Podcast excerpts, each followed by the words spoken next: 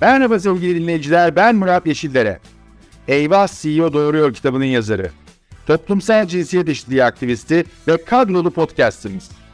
Çalışan kadınların doğurmasını gayet normal karşılayan podcast serimde başarılarıyla ilan veren kadınları konuk olarak ağırlıyorum. Şimdi sıkı durun. Türkiye'nin ilk %100 cinsiyet eşitliği garantili podcastinin bu haftaki konuğu Aytül Erçil. Aytül Hocam hoş geldiniz. Hoş bulduk Murat. Ee, bir alışkanlık var. Akademisyenlerle konuşurken nedense sürekli hoca e, şeyini kullanıyoruz ama e, bizi dinleyenlere belki birazcık daha e, detay verelim. Aytül Erçil hakikaten benim hocam. E, Boğaziçi Endüstri Mühendisliği'nde okurken onun e, yeni Amerika'dan döndüğü dönemde 2-3 e, sene hem danışmanlığımı hem de eş zamanlı olarak farklı derslerde e, öğretmenliğimi yaptı. Onun için de e, müteşekkirim. E, ben ortalama averaj öğrencilerden bir tanesiydim o büyük rekabetin içinde ama ondan çok şey öğrendiğimi burada sizlerin huzurunda da dile getirmek istiyorum. Sağ ol Murat. Ben bütün öğrencilerimden gurur duyuyorum ama e, sen bunların arasında ayrıcalıklısın. Özellikle de bu kadın konularında verdiğin emek gerçekten e, çok çok takdire şayan. Çok naziksiniz. Çok çok teşekkürler. Sağ olun. E, sizi bulunca tabii konuşacak konu çok. E, bir yerlerden de başlamak gerekiyor. E, isterseniz e, hani başladığımız yerden devam edelim. Birazcık akademiden konuşalım. E, siz Amerika'yı da deneyimlediniz. Amerika'da da e, hem çalışma hem de akademisyenlik yaptınız. Özel sektörde çalışıp. Sonra Türkiye'ye geldiniz. Türkiye'de de farklı üniversitelerde çalışma imkanı buldunuz. Sayılara baktığımızda şunu görüyoruz. Öğretim üyelerinin sayısında kadınlarla erkekler arasında bir denge var. Ama bu ne zamanki yukarıya doğru yönetici roller almaya, işte bölüm başkanlığına, dekanlığa, rektörlüğe doğru gidiyor. O camdan tavanın etkilerini akademide de görüyoruz. E, var mı bizimle paylaşacağınız gözlemleriniz ve bunu yaratan e, sebeplerin ne olduğu ile ilgili düşünceleriniz? Yani akademide aslında hani relatifli daha iyi senin de dediğin gibi bir ara hatta bir şey için bir araştırma yapmıştım. Türkiye akademide kadın oranları açısından en yüksek ülkelerden biriydi Avrupa'da. E, tabii gittikçe şeye doğru yardım doçentlerde daha fazla, doçentlerde biraz daha az, profesörlerde biraz daha az ama yönetim kademesine gittikçe gerçekten çok azalıyor. yani şu an Türkiye'de rektör kadın sayısı yüzde dokuz civarı diye hatırlıyorum. Çok düşük bir rakam.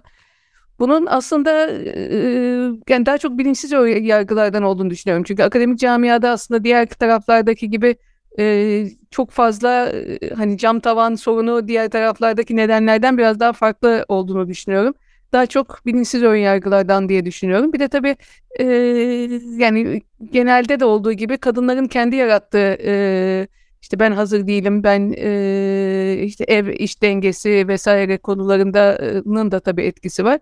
E, ama genelde seçiciler de erkek olduğu için yani standart şeyler, problemler aslında e, her yerde olduğu gibi akademide de maalesef geçerli.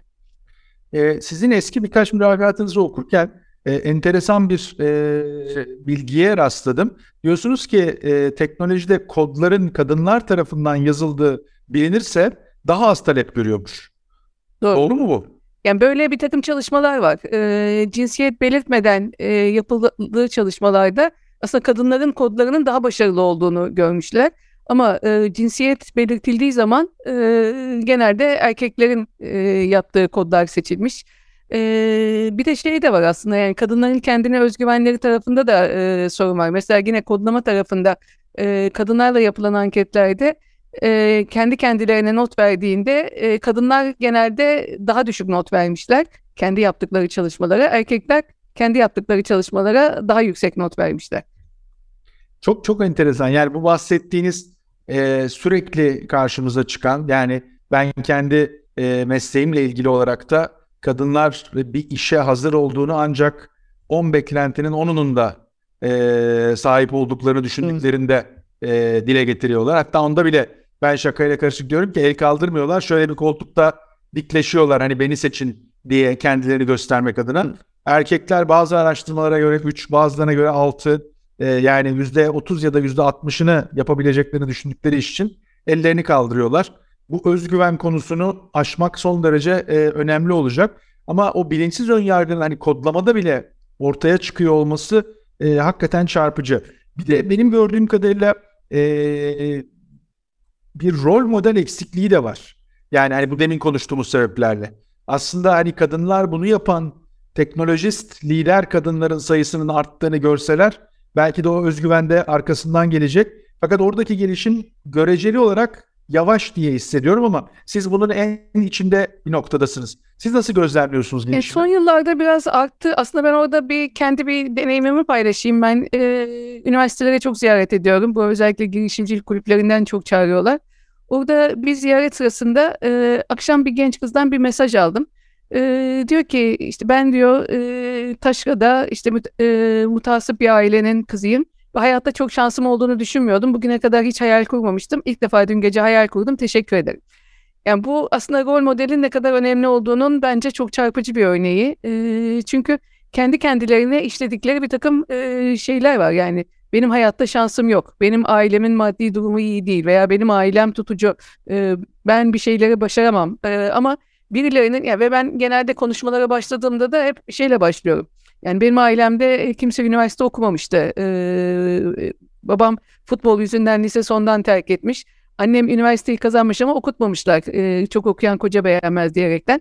Ee, ya ben e, bu kendi hikayemi paylaştığım zaman kendileriyle özleştiriyorlar ve hani böyle bir background'dan gelen birinin de hayatta başarılı olma ihtimali olduğunu görünce e, bu etkiliyor. E, o yüzden rol modellerinin gerçekten çok önemli olduğunu düşünüyorum.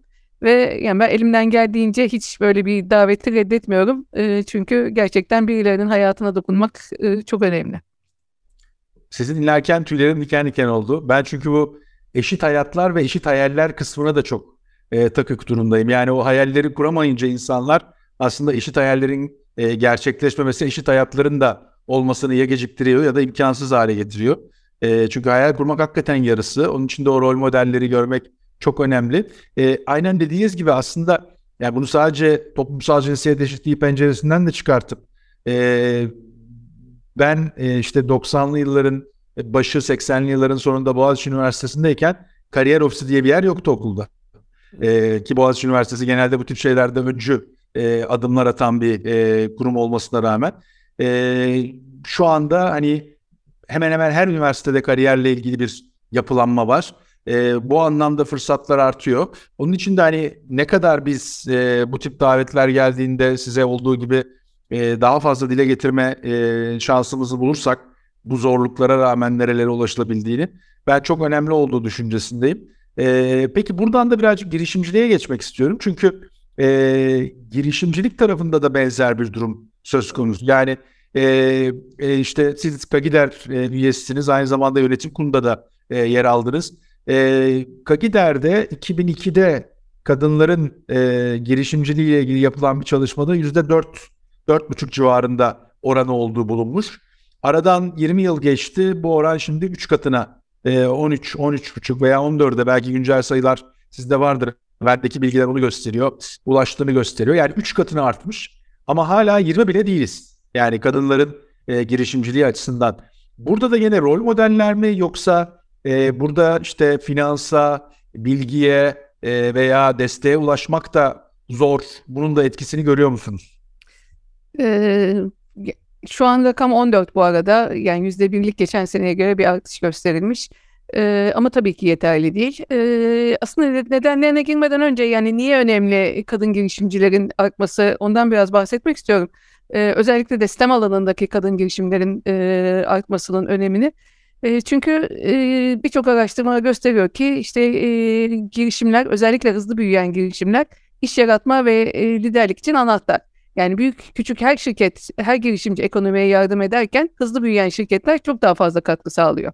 Çünkü e, mevcut yani önümüzdeki işte 5-10 yılda mevcut işlerin %40'ının otomatik hale geleceğini tahmin ediyoruz. Ama e, önemli olan net iş yaratmak. Yani birçok iş kaybolacak, mevcut birçok bir iş kaybolacak ama net e, iş yaratabilirsek, yani kaybedildiğinden daha fazla iş yaratabilirsek aslında bu bir sorun değil.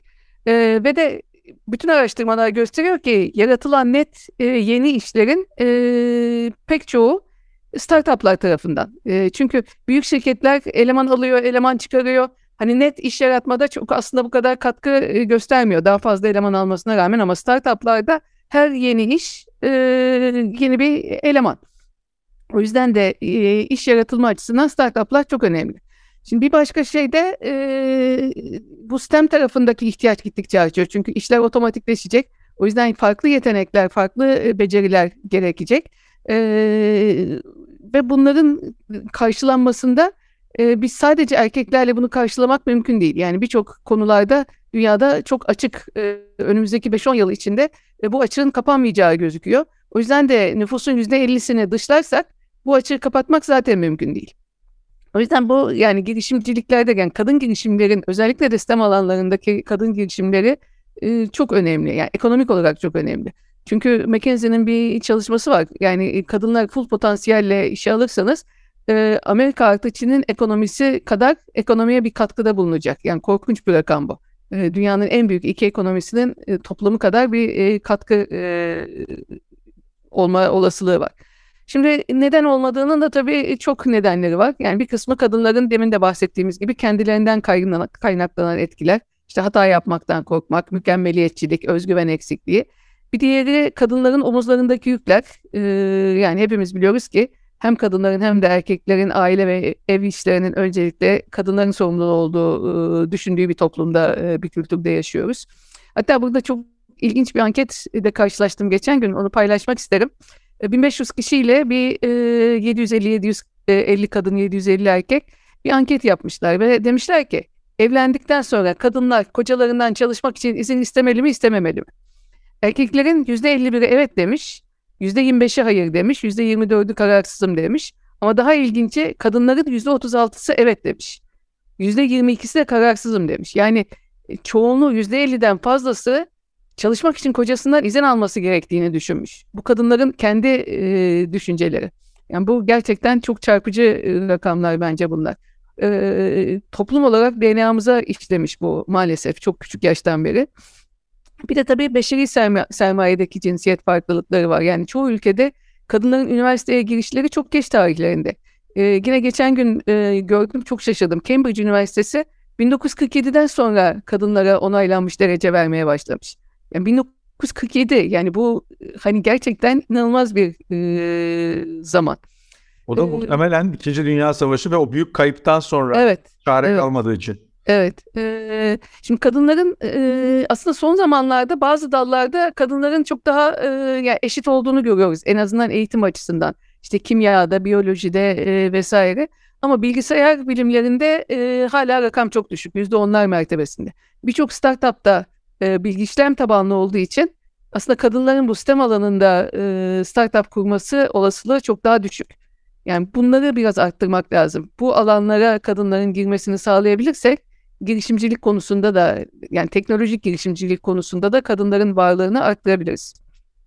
Peki bunu aslında e, birkaç alt başlığından siz zaten e, bahsettiniz. Onların üzerine e, birazcık daha e, basarak derinleştirmeye çalışalım. Bir tanesi e, ki başta da konuştuğumuz gibi e, eğitimin kadınlara bu konuda sağlanması. E, yani hani bu e, mühendislik alanında veya da sistem alanındaki e, kadın sayısının artması bunun bir parçası. Ama eş zamanlı olarak e, toplumun değişik kesimlerindeki kadınlara işte kodlama veya farklı teknolojinin alt başları ile ilgili eğitim verilmesi de bunun parçası. Burada da tabii e, ister istemez e, daha büyük bir resim ve orada işte Türkiye'nin eğitim politikası, e, gelişim politikası, yatırım politikası işin içine giriyor. Ben genelde onlardan kaçmaya çalışıyorum. Hani değiştiremeyeceğimiz bir şeyle ilgili üzülmenin veya bunu konuşmanın anlamı yok. Bizim değiştirebileceğimiz tarafta biz derken de özel sektörün, sivil toplumun, e, girişimcilerin değiştirebileceği tarafta var mı sizin gözlemlediğiniz pratik öneriler veya iyi uygulamalar? Yani şu an aslında birçok uygulamalar var. Mesela e, Kagider'de e, bayağı eğitim programları e, yapıyoruz. E, ve her aşamada yani daha e, iş kurma öncesinde işimi kuruyorum eğitimleri var. E, işte işini kuranlar için daha e, detaylı eğitimler var. Finansı erişim için e, eğitimler var. E, ve bunların bir kısmı online'da kendi kendinize kendi zamanınıza izleyebileceğiniz eğitimler. O yüzden e, yani binlerce kişiye e, şu an e, yapılan eğitimler var. Onun dışında e, birçok kurumun başlattığı eğitimler var. Mesela Global AI Hub diye e, bir organizasyon var. Bunlar yapay zeka konusunda eğitimler veriyorlar. Bunun gibi e, aslında pek çok inisiyatif var. E, şimdi devlet tarafında da bir takım şeyler başladı. Yine daha çok kodlama ve yapay zeka konusunda e, eğitimler e, başladı. Bir de tabii internet üzerinden erişim çok e, artık eskiye nazaran çok daha fazla. Yani kendi kendinize öğrenebileceğiniz, kendi kendinize eğitiminizi alabileceğiniz e, kurslar var. E, o yüzden şu an eskiye nazaran çok daha fazla fırsat var tabii e, kadınların da kendini yetiştirmeleri için ama tabii burada istekli ve bilinçli olmak lazım. Yani e, trendler nereye gidiyor, hangi konularda ne beceriler gerekecek gelecekte bunların da anlatılması lazım e, ki ona göre kendi kendilerini o eğitim eksiklerini tamamlasınlar. E, burada e, bir takım araştırmalar aslında e, bu Covid'in e, hani birçok olumsuz e, yanının yanında e, dijitalleşmeyi hızlandırması, bilgiye, e, işe ulaşımı kolaylaştırması sebebiyle e, kadın istihdamı, önce eğitimi sonra da istihdamı konusunda pozitif etki yapabileceğini e, iddia ediyor. Ama bunun tam tersi görüşlerde bulunanlar da var. Yani dijitalleşmenin artması kadınların işini zorlaştıracak diye. Siz nasıl düşünüyorsunuz? Şimdi yani pandemi tabii birçok kişinin e, iş hayatını bazılarını pozitif bazılarını negatif olarak etkiledi. Ee, ama yapılan araştırmalarda aslında kadınların erkeklerden daha fazla e, etkilendiği ortaya konmuş. Bunun da en önemli nedeni e, pandemiden özellikle et, etkilenen sektörlerde kadınların yoğunluklu olarak istihdam edilmesi ve kayıt dışı çalışanların da çoğunun kadın olması. E, yani hatta Kagider Ipsos'la beraber bir e, araştırma yaptı. Orada gördük ki kadın girişimcilerin %76'sı pandemide çok zorlandığını ifade etmiş. %68'i iş hacimlerinin azaldığını bildirmiş ve e, iş hacimlerinin yarıdan fazlasını kaybedenlerin oranı da %30'a yaklaşmış. E, çünkü kadınların... Özür Burada sözünü şöyle kesip meraktan soruyorum. Çünkü e, bu krizde kadınların erkeklere göre daha yılmaz, daha dirayetli olduğunu kadın girişimlerinin iddia eden şeyler de var. Mesela bu demin verdiğiniz sayılar erkekler için de benzer mi? Daha mı düşük bir fikir var? Erkekler için biraz daha düşük. E, ama bu sayıların nedeni e, kadınların kurduğu işlerin çoğu servis sektöründe. Yani kadınlara ait şirketler perakende ve hizmet sektöründe ve genel olarak düşük teknoloji sektörlerde. Bu yüzden aslında daha fazla e, e etkilenmişler. Ancak e, yani dediğin gibi kadınlar daha e, dirayetli ve daha e, sabırlı. Çünkü yani e, hayatımızda her an problemlerle mücadele edilen ve her an multitasking yapıldığı için ev işleri, işler hani daha dirençli, problemlere karşı daha dayanıklı. Yeni fırsatlar var. Şimdi e, işletmelerin %58'inin iş alanı online hizmete uygun. Bu yüzden de e, bunlar online e, ilk defa pandemiyle birlikte online hizmet vermeye başladı. O yüzden bir fırsat. Hani başta çok etkilendiler ama uzun vadede e, bu bir fırsat. Bir ikincisi de senin dediğin gibi dijitalleşme adımları hızlandı ve e, burada gerçekten e, bir fırsat var. Mesela sosyal medya kullanımında çok büyük bir artış yaşandı ve bu sektörde iş yapanlara bir avantaj oluşmaya başladı. Ama burada önemli olan gelecekteki iş gücü nasıl şekillenecek, bu pandemi uzun vadede e, iş gücünü nasıl etkileyecek bunları biraz e, anlamak ve bu konudaki eksikleri e, tamamlamaya çalışmak. Mesela verilerin girişi, işlenmesi, temel sayısal değerler gibi hani temel kavramsal becerileri kullanan iş gücüne duyulan gereksinim azalırken teknolojik konularda e, müşteri ilişkileri yönetimi konularında ihtiyaç artacak. E, artı temel becerilerle birlikte fiziksel becerileri olan talep azalacak diye bekleniyor ama sosyal, duygusal ve teknolojik be- becerileri olan talep artacak. O yüzden de yani kadınların bu sosyal, duygusal taraftaki becerileri daha güçlü olduğu için orada da bir fırsat var. Ee, önemli olan bu teknolojik becerileri olan e, eksikliklerini kapatmaları, bu konuda kendilerini yetiştirmeleri. Çünkü artık akıl terinin yerini, e, akıl teri alın terinin yerini alıyor. Yani e, eskiden emek yoğun işler e, ön plandayken birçok konuda şimdi artık akıl teri e, öne ön plana çıkıyor e, ve hani bu tür becerilerde kendilerini yetiştirmeleri lazım. Akıl teri bayıldım bu kavrama. Ee, sağ ol. Ee, Vispera ee, birazcık onu konuşalım. Ee, genel olarak yaptıklarınızdan bahsetmenizi özellikle istiyorum. Ama başlangıç noktasını eş CEO kavramıyla başlayalım istiyorum. eş CEO Türkiye'de de dünyada da çok az rastladığımız bir evet. kurgu. E, o çerçevede de e, hem e, bu fikir nereden çıktı e, ve uygulanması e, neleri pozitif olarak hayatınıza getiriyor e, çalışma dinamiği açısından. Biraz evvel konuştuğumuz bu e, girişimcilik e, kurgusu içinde de e, artıları eksileri nelerdir? Birazcık onlardan bahsedin bize. Tabii. Ee, yani Bisper olarak biz hani e, beş kişiyle başladık. Benim e, eskiden Bistek diye bir şirketim vardı. Onu Almanlara sattım.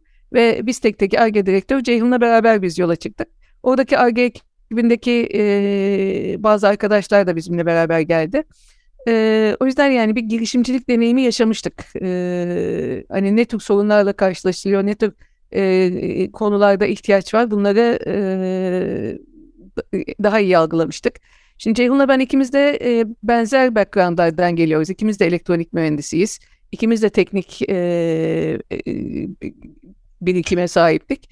E, ancak ben Vistek'teki deneyimden dolayı e, işte yatırımcılarla ilişkiler, satış, pazarlama türü konularda biraz daha deneyimliydim. E, ve e, yani bir noktada hani teknik işleri e, Ceyhun'a bıraktım. E, çünkü yani ikimiz de aynı konularda yaparsak hem çatışma ihtimali daha fazla hem de çok fazla bir katma değer e, sağlamıyor. O yüzden de e, bir noktada bir işbirliği, e, iş bölümü yapalım e, dedik. E, Ceyhun daha çok operasyonların yönetimi ve teknik tarafın yönetimine e, girdi. Çünkü aslında güçlü taraflarımız da oydu. E, ben hep şey diyorum, Harvard'ın bir makalesi vardı. Orada e, olması gereken elemanlar e, kriterler arasında e, kaostan e, structure yaratan biri lazım diyordu. Yani Ceyhun tam öyle biri. Gerçekten e, sistematik yaklaşan ve e, yapılar kuran bir yapısı var. O yüzden de organizasyonu onun yürütmesi e, çok daha mantıklıydı. Ben daha dağınık biriyimdir. E, o yüzden bu iç işler işte e, organizasyonel yapı, e, teknik işleri Ceyhun'a bıraktım. Ben daha çok dışarıya e, şirketin dış yüzü e, olmaya odaklandım. E, bir de benim için de bir challenge'dı bu. Yani yıllarca 20 küsur yıldır bir öğretim üyeliği yaptım. Hep teknik konularda uğraştım. E, biraz bilmediğim konularda daha fazla kendimi geliştirmek de bana da hoş geldi. E, o yüzden güzel bir iş bölümü yaptık bence. Nasıl gidiyor? Vispera e, odak alanı nedir? Çünkü e, hem coğrafi olarak e, geniş bir e, kurgunuz olduğunu biliyorum birçok coğrafyada. Evet. Hem de e, belli ürün gruplarında olsa da farklı profilde birçok şirkete e, destek verdiğinizi gene biliyorum. Doğru. E, Vispera olarak biz perakende sektörüne odaklanmaya karar verdik. Perakende sektörüne yönelik görüntü işleme yapay zeka çözümleri üretiyoruz. E, bir yandan üreticilere yani Coca-Cola, Unilever, Philip Morris, Danone gibi e, bir yandan da perakendecilere Migros, Carrefour gibi çözüm üretiyoruz e, mağazaların dijitalleşmesi aslında. Mağazalardaki işte raflardaki ürünlerin bulunurluğu, e, işte promosyonların doğru uygulanıp uygulanmadığı, fiyatların doğruluğu, doğru fiyat etiketinin doğru ürünün, ürünün önünde olduğu gibi. E, şu an aslında 30 küsur ülkede e, faaliyet gösteriyoruz. Yani Brezilya'dan, işte Amerika'dan, İsrail'e, Polonya'ya, e, Dubai'den, e, Kazakistan'dan, Irak'tan, e, Almanya'ya yani birçok coğrafyada çalışıyoruz. E, ve bunlara aslında teknoloji ihraç ediyoruz. E, bizim birkaç rakibimiz var. Teknolojik olarak şu an Google'la söyleyebilirim ki hepsinin önündeyiz. Yani bunları müşterilerden aldığımız feedbacklere göre e, teknolojik olarak öndeyiz. Ama tabii e, hem Türkiye'den e, bir teknoloji şirketinin çıkması hem de e, finansa erişimde e, daha zorlanmamız bizim daha yavaş, istediğimizden daha yavaş büyümemize sebep oluyor. E, bunun hızlanacağını bekliyoruz. E, yani benim hep ilk günden beri söylediğim Türkiye'den çıkan ilk yüksek teknoloji unicorn olmak hedefiydi. E, hala bu hedefle devam ediyoruz. İnşallah ben ölmeden bunları görürüz diyorum bir gün. İnşallah, inşallah. E, peki e, şirket içi demin konuştuğumuz e, perspektifte düşündüğünüzde e, nasıl bir e, çalışan dağılımı var? Sadece cinsiyet anlamında değil, geçmişleri anlamında e, hatta belki milletler anlamında böyle bir renklilik de var mı? Yoksa bir Türk şirketi Türkiye merkezli mi çalışıyor? Var yani renklilik var. Hani hem kadınlar açısından e, tam rakamı şu an bilmiyorum her gün değişiyor ama yüzde 35 e, civarı 35-40 civarı kadın var ama yazılım tarafında çok az maalesef. Yani orada hiç başvuru yok. Hani pozitif ayrımcılık da yapsak yapacak bir durum yok. Çünkü gerçekten yazılımcı tarafında hiç başvuru almıyoruz gibi bir şey çok çok çok az. Şey açısından şu an şimdi çeşitli ülkelerde ofisler açmaya başladık. İşte Amerika'da, İngiltere'de, Hollanda'da, Hindistan'da. O yüzden tabii oradaki elemanlar da lokal oluyor. Şu an çalışanlarımız arasında Hintli var, İngiliz var, Meksikalı var, Amerikalı var ve e, bu da tabii toplantıların aslında bir renklilik katıyor. E, bizim zaten ilk günden beri bütün dokümantasyonumuz hep İngilizceydi. Web sitemiz sadece İngilizce e, oldu. E, şimdi artık iç yazışmalarda da İngilizceye döndük e, mecburen e, diyeyim. E, bu renklilik de aslında yani herkese çalışanlara da bir e, şey katıyor. Bizlere de birbirimizden çok şey öğreniyoruz. Peki e, biraz evvel pozitif ayrımcılık dahi yapsak e, dediniz. Ne düşünüyorsunuz pozitif ayrımcılık konusunda? Hani ben kendi elimi açayım. Ben pozitif değil, ben direkt ayrımcılık yapılması gerektiği düşüncesindeyim. E, bu podcast'te de bunu defalarca dile getirdim. E, dengeyi sağlamak için, normalleşme için e, ayrımcılık yapmaya ihtiyacımız var. Ee, siz pozitif ayrımcılıkla ilgili ne düşünüyorsunuz? Yani ben aslında genelde ayrımcılığın her türlüsüne karşıyım ve uzun süre pozitif ayrımcılığa sıcak bakmıyordum. Ee, bileğinin hakkıyla bir işe almasının doğru olduğunu inanıyordum.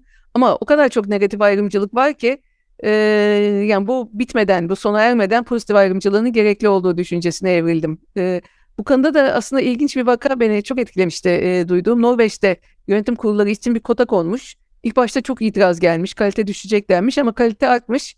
Nedeni de e, kadınlar toplantıya çok hazırlıklı geliyorlarmış. Tüm dokümanları okuyorlarmış. Bunu gören erkekler de daha fazla hazırlanarak gelmeye başlamışlar ve kalite çok artmış. O yüzden yani e, dediğim gibi inşallah günün birinde böyle bir pozitif ayrımcılığa gerek kalmaz. E, eşitlik sağlanır. Ama negatif ayrımcılık olduğu sürece e, maalesef diyeyim pozitif ayrımcılığa gerek var. E, bu bahsettiğiniz hani Norveç örneği en tepede organizasyonda yönetim kurulu seviyesinde. E, daha sahada da e, hani Türkiye'deki güncel örnek e, bu enerji dağıtım şirketleri özellikle petrol istasyonlarında e, daha fazla kadın istihdam etmek üzere birçoğu e, farklı programlar uyguluyorlar. Ve o da e, işte e, istasyonlardaki kaza oranının azalmasını, temizliğini, e, çalışanların giyimini hepsini pozitif anlamda etkilemiş durumda ki bunu hani biz tüketici olarak, kullanıcı olarak da gözlemliyoruz ve bu şirketlerde artarak kadın istihdam etmeye devam ediyorlar. Ve demin konuştuğumuz gibi aslında rol model olması açısından hani bunu büyük şehirlerde yapabilmek daha kolay ama e, daha farklı şehirlere, kasabalara doğru gittiğimizde de hani orada çalışan kadınların bu anlamda hem katkısı hem de gelişimi diğer e, kadınların da orada çalışmaya e, hayal etmesini ve bunu gerçekleştirmesini sağlıyor. O yüzden e, şey e, ben e, hani pozitif ya da değil ben ayrımcılığa e, çok taraftarım. E, çünkü başka türlü bizim bunu değiştirme imkanımız maalesef yok. Maalesef öyle. Yani senin de içinde olduğun bu yönetim kurullarındaki kadın e, derneği yıllardır çalışıyor. Çok da güzel şeyler yapıyor ama yüzde 18'e ancak gelebildi. Yani çok yavaş e, ilerliyor. E, o yüzden yani bu tür şeyler olmadan pozitif ayrımcılık maalesef pek çözülmeyecek gibi gözüküyor. Çok haklısınız. Yani bir yönetim kurulunda kadın bu konuda e, çok ciddi çaba harcıyor. Sabancı Üniversitesi ile birlikte biz %30 e, kulübünün Türkiye'deki Hı. yapılanmasını e, gerçekleştirdik ve son 10 senede hani 10 11'den alıp 18 bile değil yani 17 civarında bir yere kadar e, gelebildi. Eş zamanlı İngiltere e, 10-11'den alıp e, 30'ların üzerine çıkardı. E, hem hemen aynı e, zaman içinde. E, dolayısıyla e, o yüzden hani normal organik olarak bunu kendi haline bıraktığımızda e, bir yere gitmesi mümkün değil. Çabalarla bile e, çok küçük adımlarla e, ilerliyor. E, gene o anlamda e, rol model olması çok çok önemli. E, peki e, birazcık daha özele e, inersek aslında e, iki kız annesiniz Allah bağışlasın. E, bu açıdan bakıldığında e, anne olmanın bu demin bahsettiğiniz hem multitasking açısından hem hayata ve işe bakmak açısından e, sizin yolculuğunuzda önemli bir dönemeç olduğu düşüncesinde misiniz? Yoksa e, hani o da merhalelerden birisiydi ama o kadar da o şeyi hatırlamıyorum noktasında mı düşünüyorsunuz? Yani çok zorlukları vardı tabii ki. Ee, yani ben hiçbir zaman aslında e, evde oturmayı düşünmedim. Ee, yani o hiçbir zaman bir seçenek değildi benim için. Hatta e, iki doğumu da Amerika'da yapmıştım ve Amerika'da o dönemlerde dört hafta sonra işe e, dönülüyordu. Yani çok zor bir e, şey dört hafta gibi kısa bir süre sonra işe dönmek. Ve e, o zaman da tabii iş hayatına da yeni atılmışsınız. E, hani bir takım şeylerden kadın olmaktan dolayı... E, yani yargılanmak da istemiyorsunuz. Mesela hiç, hiç unutmadığım bir anım vardır. E, o zaman işte iş yerinde e, süt sağıyorsunuz. Bunu buzdolabında tutup işte akşam eve götürüyorsunuz vesaire. E, ve bir gün bir toplantıda çok uzun bir toplantı ve yani her tarafım sırılsıklam çok e, korkunç bir durumdayım ve ben o da o zaman utandım gidip de hani izin almaya e, benim gitmem lazım. Yani bugünkü aklım olsa tabii ki bu son derece doğal bir şey e, giderim ama işte iş hayatının başlangıçlarında e, hani bunlar öyle gelmiyor e, insana.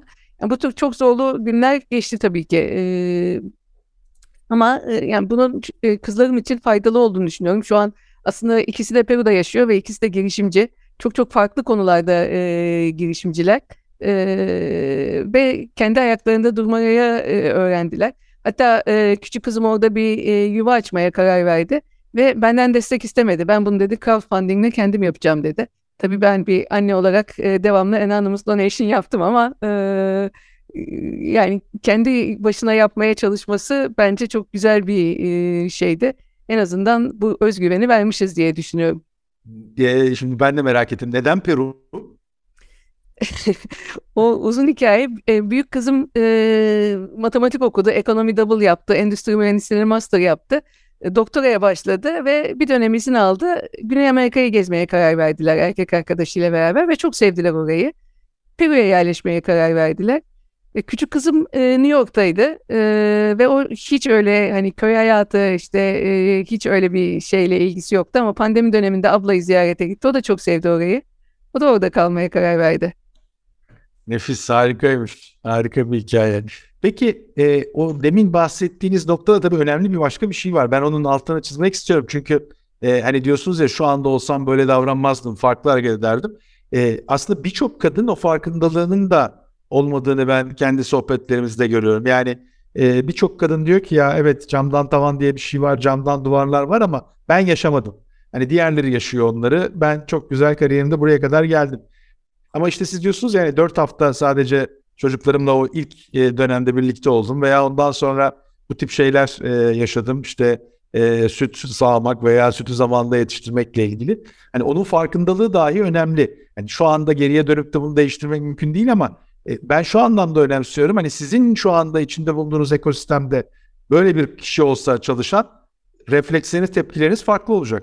Kesinlikle yani şu an zaten e, iş yerinde e, yani ne ihtiyacı oldu olursa hani herkes gayet açıklıkla bunu söyleme e, e, cesaretini gayet rahat buluyor. Yani biz de bunu e, teşvik ediyoruz. E, ve yani her zaman için aile, sağlık e, vesaire bunlar ön planda olmalı diyoruz. E, insanlar bilinçli olduktan sonra hani hafta sonu çalışıyor, akşamları çalışıyor, eksiğini kapıyor. Ama önemli olan e, rahat hissetmesi, ihtiyaçlarını e, yerine getirebilmesi. Peki bu başta da konuştuğumuz e, e, ön yargılar özellikle de bilinçsiz ön yargılar e, etrafında hani demin bahsettiğim o farkındalığın e, adımlarından bir tanesi de e, hani aynaya baktığımızda ya ben bunu nasıl böyle yapmışım ya da düşündürmüş e, düşünmüşüm e, dedirtebilmesi bize. Bu anlamda sizin kendi hayatınızla ilgili var mı bu tip bilinçsiz ön yargıları e, kendinizde fark ettiğiniz anlar? Var tabii aslında yani çok küçük yaştan beri maruz kaldığımız bilgiler, ön yargılar hepimizde bilinçsiz ön yargı oluşturuyor. İşte örneğin çocuk kitaplarına baktığınızda mühendisler, doktorlar genelde erkek, öğretmenler, hemşireler kadın. Kadınların çoğu çalışmıyor ev hanımı. Ee, yani bu yüzden hani kariyer seçiminde de kadınların mühendisliği seçmemeleri son derece doğal karşılanır. Yani ben hep diyorum anaokul kitaplarını değiştirmek lazım. Oradan başlamak lazım aslında bu kültür değişimi için. E, öz eleştiri yaptığımda da e, yani iş hayatımda çok fazla şey e, fark etmedim ama mesela geleneklerimize göre e, yani fark ettiğim bir nokta şu. Evlilik sırasında kadın yatak odası mobilyası ve mutfak eşyalarını alır. Erkek oturma odası ve yatak odası mobilyalarını alır. Şimdi bunu düşünmeden yapıyoruz ama aslında bunun anlamı kadının yeri mutfakta ve yatak odasında. E, bunu demenin bir şekli. Şimdi ben de düşünmeden bu bilinçsiz önyargıyla davrandığımı fark ettim mesela. Ee, şu an e, tabii bu, e, bunu fark ettikten sonra değiştiriyorum ama aynı şekilde kız çocuklara hediye bakarken işte Barbie türü şeylere bakıyoruz. Erkeklere hediye bakarken araba vesaire e, şeylere bakıyoruz. Ve toplum da bunu bize itiyor. Yani bir mesela yeğenimin oğlu için ben hediye bakmaya gittiğimde e, oyuncakçı dükkanında şey vardı. 8 yaş kızlar diye bir bölüm var. İşte 10 yaş erkekler diye bir bölüm var. Ve gittim ben e, mağazadaki çalışana. Ben dedim e, bir erkek çocuk için Barbie almak istiyordum ama sanıyorum satmıyorsunuz dedim. Şaşırdı adam niye dedi. Dedim kız çocuklar için diye yazıyor e, Barbie'nin olduğu bölüm. Halbuki ben erkek çocuk için alacaktım. Alamıyor muyum dedim. Şaşırdı. E, ama yani öyle e, iteleniyoruz. Hani öyle düşünmeye zorlanıyoruz. O yüzden de zaten bilinçsiz önyargı. Evet evet çok doğru. Aslında burada bakarsanız bu birazcık da tüketim sisteminin e, bayağı itmesi, itelemesi sizin deyiminizle. Yani bu e, hani bize bilinçsiz ön yargı onlar açısından bilinçli e, bir e, şey e, politika şey açısından. E, burada şeyi merak ediyorum mesela sizin bu e, yapay zeka ile ilgili yani e, kendi girişiminizde yaptığınız şeylerin içinde bunların etkilerini gördüğünüz taraflar var mı? Çünkü hani bir de e, işte yapay zekanın veya bu makine öğrenme e, şeylerin algoritmalarının e, çok hızlı bir şekilde bu eşitsizliğe kendini adapte edip dünyaya o e, erkek gözüyle baktığına yönelik iddialar var. Tabii e, yani yapay zeka sistemleri çünkü öğrenen sistemler ve e, öğrenmek için e, hani mevcut verilere bakarak öğreniyor. Mesela Google Translate'te e, yıllarca e, he, e, o bir mühendistir dediğinizde he's an engineer olarak tercüme ediyordu. O bir e, öğretmendir dediğinizde she's a teacher diye tercüme ediyordu. Yani direkt e, orada siz Hani Türkçe'de kim e, şeylik belirtmeseniz bile, cinsiyet belirtmeseniz bile tercümede bu cinsiyet konuyordu. Şimdi değiştirmişler yani baktığımızda e, mesela o bir mühendistir dediğinizde he's an engineer, she's an engineer diye iki tarafı da veriyor. Yani bunların bilinçli olarak verilmesi lazım. Yani yapay zeka sistemleri e, otomatik öğrendiği zaman bu tür önyargıları büyütmekte çok açık. E, o yüzden çok dikkatli olmak gerekiyor. Yani verilen verilerde de eşitlik olmasını sağlamak gerekiyor. Peki yavaş yavaş bize e, ayrılan sürenin e, ya da kendimize ayırdığımız sürenin sonuna doğru yaklaşıyoruz ama e, bir konuyu birazcık daha detaylı e, konuşmayı istiyorum. Hani sohbet arasında değindik. E, benim düşüncem toplumsal cinsiyet eşitliği e, bir e, erkek meselesi, kadın meselesi değil. O yüzden de hani biz arzı ne kadar değiştirip e, kalibrasyonunu yükseltsek de e, talepte hala karar e, noktalarında olan erkeklerin zihninde değişiklik yapamazsak radikal değişiklikler yapma imkanımızın sınırlı olduğu düşüncesindeyim. Bu çerçevede de hani bunu bir e, tespit olarak e, koyuyorum hani dipnot olarak. E, bununla birlikte sizin biraz evvel e, sohbetin başında değindiğiniz kadınların özgüvenini arttırması ve belki de hayal kurması, daha talepkar olmasına yönelik bir takım şeyler var ve gene biliyorum ki siz e, farklı profilde kadınlara mentorluk yapıyorsunuz, destek oluyorsunuz, onları e, özgüvenini arttırmaya, cesaretlendirmeye çalışıyorsunuz. E, bunun etrafında gene hani e, bizi dinleyenlerle paylaşmak istediğiniz e, kadınların farklı yapabileceğine inandığınız her e, geçmişten, her yaş grubundan e, tavsiye edeceğiniz bir şeyler var mı? Evet yani aslında e, şimdi kadınların ya ben bir şey bahsedeyim aslında. Önce bir anımı paylaşayım burada. Ee, şimdi ben eşimle Amerika'da tanıştım. Ee, o da doktor öğrencisiydi ve yıllarca tek başına yaşadığı için işte e, yemek yapmak, ev temizlemek, çamaşır yıkamak vesaire bütün bunlara alışıktı. Ben aslında bütün erkeklerin e, böyle bir süre e, yabancı bir ülkede tek başına yaşamasının gerçekten çok faydalı olacağını düşünüyorum. Çünkü o zaman e, anlayabiliyor. Yani e, anneleri tarafından böyle e, pohpohlanarak büyütülmüş kişilerin e, kadınların yaşadıklarını anlaması biraz daha zor. O yüzden Oryantasyondan geçiyor. Efendim? Oryantasyondan geçiyor. Aynen öyle. E, hatta Peki bir şey soracağım. Şey çok çarpıcı yalnız. E, Amerika'da mı evlendiniz? Amerika, yani Türkiye'de evlendik ama Amerika'da tanıştık. Peki ilk ev oluşması Amerika'da mıydı Türkiye'de? Amerika'da oldu. İlk 5 sene Amerika'da yaşadık. Orada da şöyle bir e, şey... Şey çarpıcı, mobilyaları da Amerika'da bahsettiğiniz bakışla aldığınızı söylüyorsunuz ve itiraf ediyorsunuz. O da çarpıcı.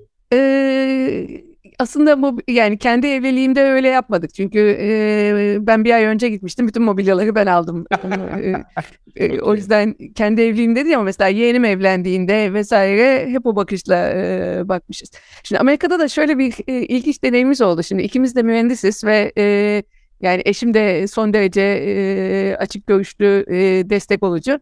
Ve biz e, dedik ki bütün ev işlerini eşit paylaşalım.